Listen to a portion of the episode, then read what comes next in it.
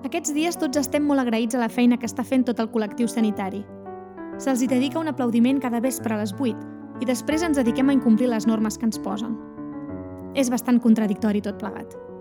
Igual que necessitar una pandèmia mundial per adonar-nos de la feinada que fan dia rere dia cuidant de nosaltres i salvant vides. Potser és moment que aquest agraïment sigui constant i que quan es proposin retallades a la sanitat siguem nosaltres els que ens rebel·lem contra tot això perquè ells puguin seguir cuidant la nostra vida. Casa, fa anys que aplaudim el col·lectiu sanitari, fins i tot en públic, perquè ara fa 10 anys ens van cuidar la vida com ningú ho havia fet. No és un tema que la meva família surti gaire en conversa, i menys amb l'avi. Potser fins i tot durant una època es va arribar a convertir en un tabú. Però els tabús no serveixen per res. Tot el que hem viscut, bo i dolent, ens han fet ser qui som. No seríem els mateixos si no haguéssim viscut aquestes circumstàncies. No seríem ni pitjors ni millors, però no seríem els mateixos. A casa hem sigut sempre lluitadors i treballadors de mena. Mai ens han donat res fet.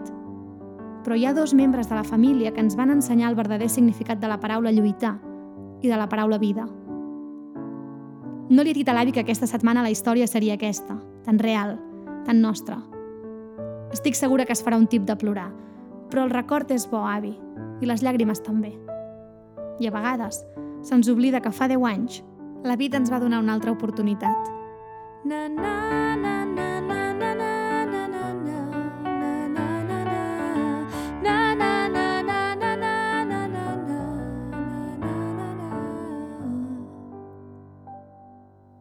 Segona oportunitat. No sabem si l'Eduard podrà tornar a caminar. Així va començar la segona part de la vida de l'Edu. Com si hi haguessin dos actes, dues parts, dues fases. Un abans i un després. Només feia 3 hores que havia arribat amb helicòpter a l'Hospital Taulí de Sabadell i ja l'estaven operant d'urgència. L'Edu, amb 14 anys, s'havia fracturat dues vèrtebres i se n'havia esclafat una altra. Tot això amb afectació del canal medular. Aquestes paraules són vertiginoses per si soles. Així doncs, us podeu imaginar el que van sentir totes les persones que estaven a l'espera de saber què significaven. L'Edu va arribar a l'hospital conscient.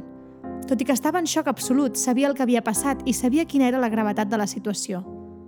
Va saber que anava al taulí perquè, a l'helicòpter, els bombers van fer diverses trucades per saber quina era la millor opció per ell. Sembla que allà hi havia un metge especialista que el podria ajudar. Li feia molt mal l'esquena i no sentia les cames. L'Helena encara no havia vist l'Eduard perquè no havia pogut arribar al lloc de l'accident. Tot el que sabia sobre com estava el seu fill era perquè li havien dit les persones que sí que van baixar. Quan van arribar a l'hospital, ella i el Madí, el pare de l'Edu, la sala d'espera d'urgències era plena de gom a gom, i això que era un diumenge a la tarda. Som els pares de l'Eduard. I sense esperar-se ni un segon, els van fer entrar directament a un despatx. Quan et fan passar tan ràpid, és que alguna cosa no va bé, van pensar els dos. No sabem si l'Eduard podrà tornar a caminar. Ha arribat amb una lesió medular completa i amb zero sensibilitat ni motricitat. L'operarem d'urgència. Podeu entrar a veure'l si voleu. En aquest moment, l'Edu i la seva família tenien dues opcions, dos camins a triar. Rendir-se i lamentar-se o lluitar i agrair el que tenien.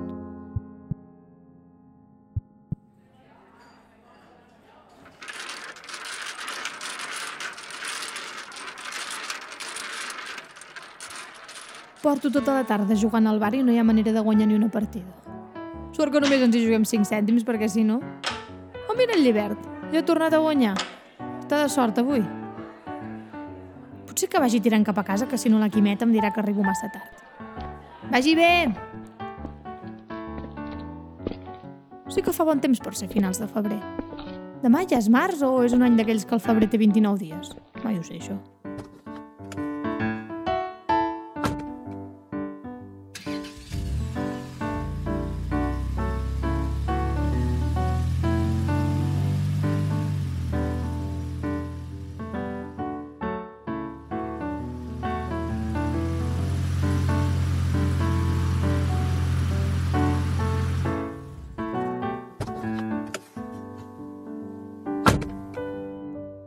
Bona nit. El què? No, impossible. L'Eduard nostre? El nen del matí? Vaja, no ho crec. La Quimet m'hauria dit alguna cosa. Sí, deus haver confós. Vinga, merci. Bona nit. Noia? Quimeta? Quimeta? Ai, nena, quin susto m'has fet ara. Què hi fas aquí, Mar? Què ha passat? L'Edu va passar quatre dies ingressat a la unitat de cures intensives infantils de l'Hospital Taulí. Passats aquests quatre dies, va començar a tenir una mica de sensibilitat a les cames i va deixar d'anar sondat. Aquell va ser un gran dia. Tan senzill com, de sobte, sentir una mica les pessigolles que el seu pare feia dies que intentava fer-li els dits del peu sense èxit. Aquell petit pas era una muntanya. La incògnita, però, seguia sent la mateixa. És només una inflamació medular o hi ha una lesió medular important? En altres paraules, tornarà a caminar o no? L'Edu no era un nen, ja tenia 14 anys i aquesta és la pitjor edat perquè et tractin com un nen. Va passar 8 dies més ingressat a la planta infantil de l'Hospital Taulí, amb tot el que això comportava. Tota la família estava més pendent d'ell que mai. Perfecte per un adolescent. Requeria ajuda per fer les seves necessitats. Perfecte per un adolescent. El personal sanitari que el cuidava com ningú no el tractaven com un adult i els pallapupes intentaven animar-lo cantant l'himne del Barça. Perfecte per un adolescent. Aquell adolescent, però, s'estava fent gran a passos de gegant i només tenia una cosa al cap. Altre cop tancats en un d'aquells despatxos tan tètrics, els seus pares esperaven que el metge els donés alguna bona notícia. Nosaltres ja hem fet tot el que podíem fer per ell. Si hi ha alguna possibilitat que l'Eduard pugui recuperar la mobilitat, no serà aquí. Demà mateix el traslladarem a l'Institut Gutmann, L'Institut Goodman? Quan penses en l'Institut Goodman, el primer que et ve al cap és una cadira de rodes. Fins i tot el seu logotip t'hi fa pensar.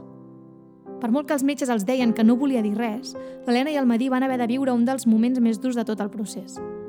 Van passar de veure l'Edu caminant a veure l'estirat en un llit. I del llit a una cadira de rodes. L'impacte va ser bèstia. A casa van començar les obres express per fer-ho tot accessible i adaptar-ho per la nova situació que els hi venia a sobre. En aquest moment, l'Edu i la seva família tenien dues opcions, dos camins a triar. Rendir-se i lamentar-se o lluitar i agrair tot el que tenien.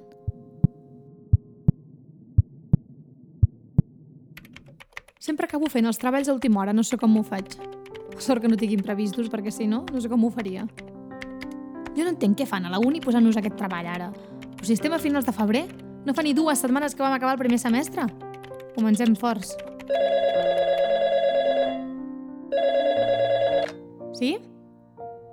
Gerard? No, no, sóc la Mària. Una ambulància? L'Edu? Gerard?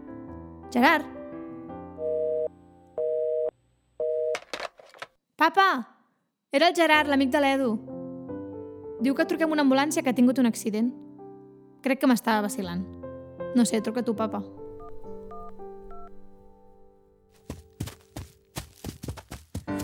Crec que mai he corregut tant a la meva vida.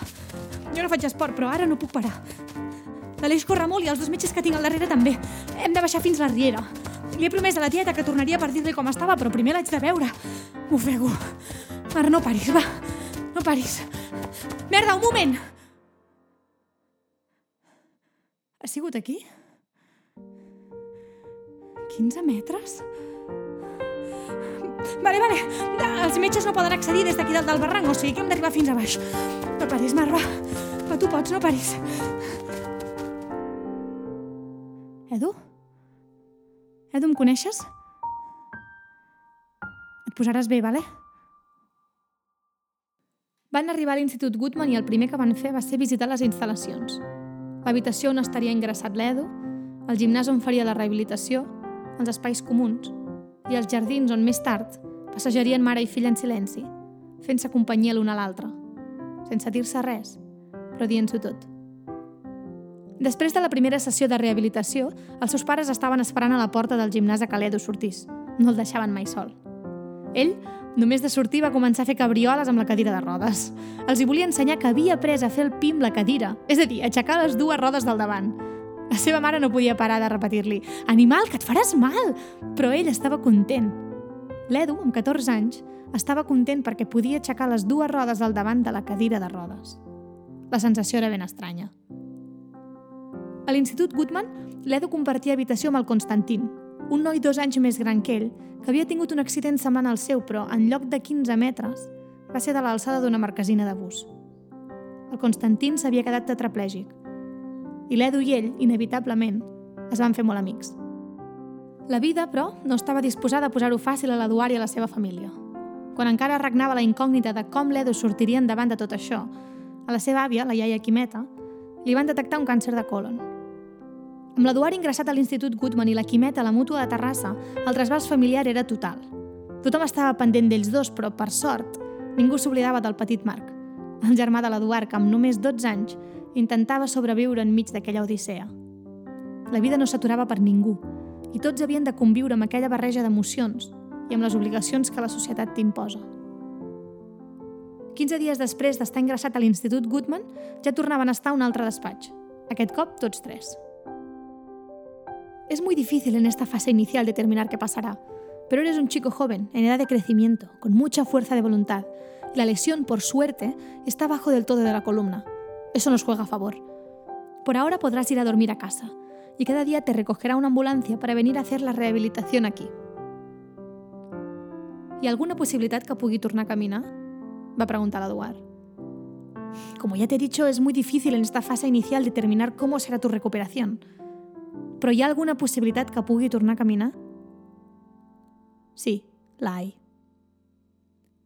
En un altre despatx tètric d'hospital, a la Mútua de Terrassa, dues filles de la Quimeta també esperaven alguna notícia. Hi ha alguna possibilitat que ho pugui superar? Mm, és difícil en aquest moment determinar alguna cosa així, però hi ha alguna possibilitat que ho pugui superar? Sí, hi és.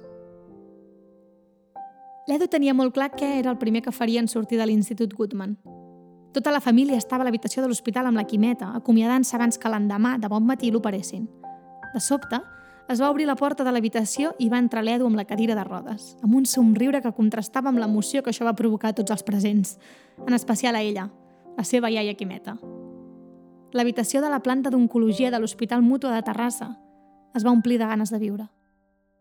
Ara em trobo parat, tot canviat, res és igual. Diuen que hi ha alguna opció 3 d'un milió pinta fatal. Però iaia, no ploris més, ens en sortirem, els dos ho farem. Tu et curaràs, ja ho veuràs, i jo tornaré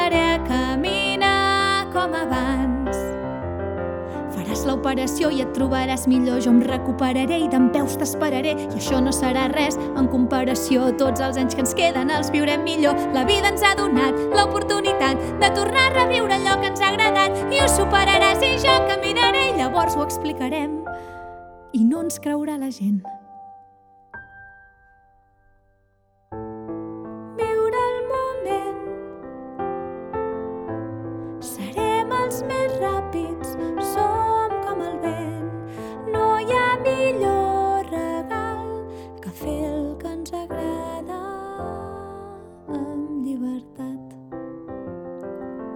L'Edu i la seva àvia van viure junts la seva malaltia.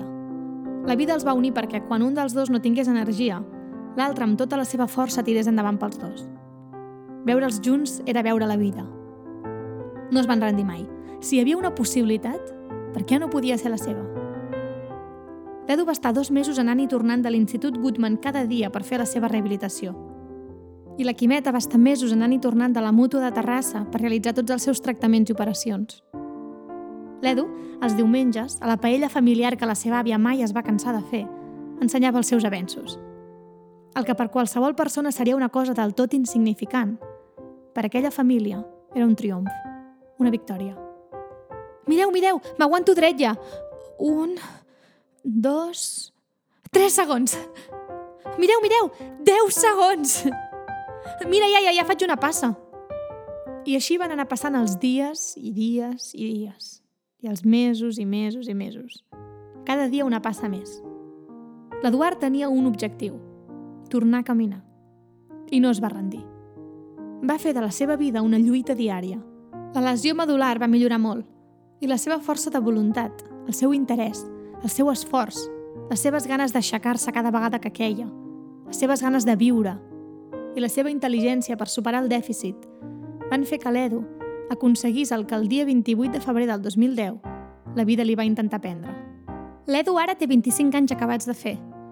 Va estudiar la carrera que volia i treballa del que li agrada. Se'n va anar un any a estudiar a Filipines i va viure una de les experiències més bèsties que es poden viure. Li ha quedat un 14% de disminució del moviment, el que realment significa res. Té tres vèrtebres immobilitzades, però això no li impedeix absolutament res. De fet, ho pot fer tot, absolutament tot. Esquí, bici, córrer, natació, tot. Absolutament tot.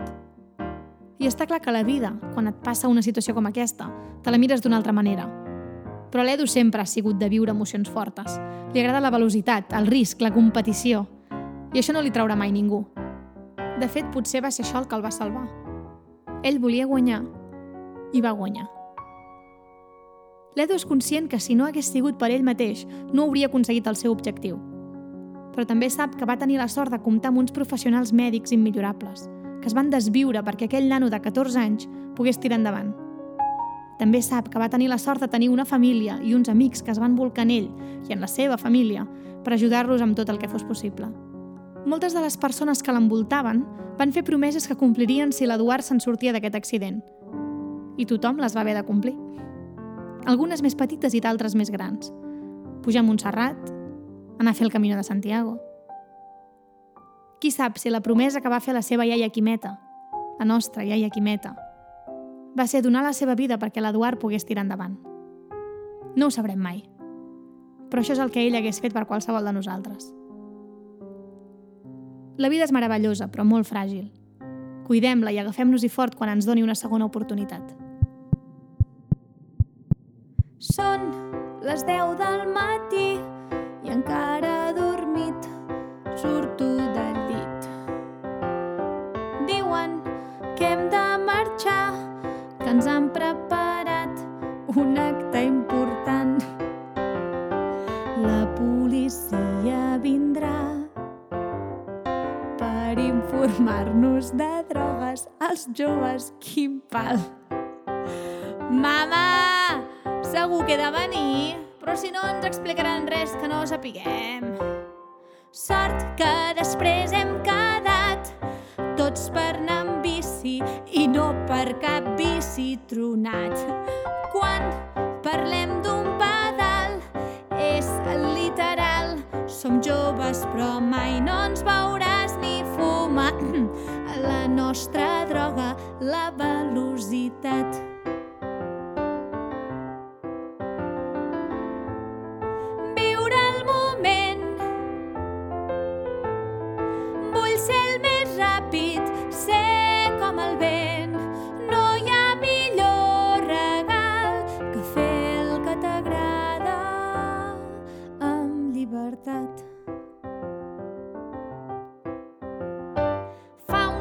Brutal i som tots.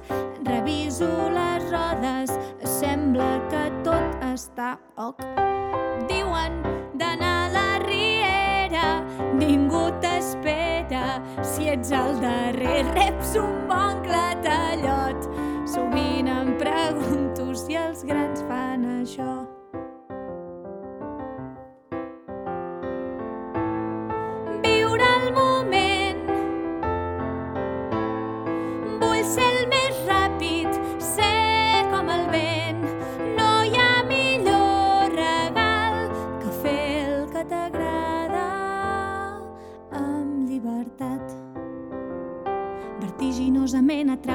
gent. Ara vaig primer de rapo com jo sé, pneumàtic molt gastat, però vull velocitat. Conec aquell terreny, l'adrenalina empeny. Vaig ben equipat i no tinc por de res. Miro al meu davant i arrisco més i més. Salto ben amunt, sóc feliç i punt. De sobte ve un revolt i perdo el control. Viure el moment Vull ser el més ràpid,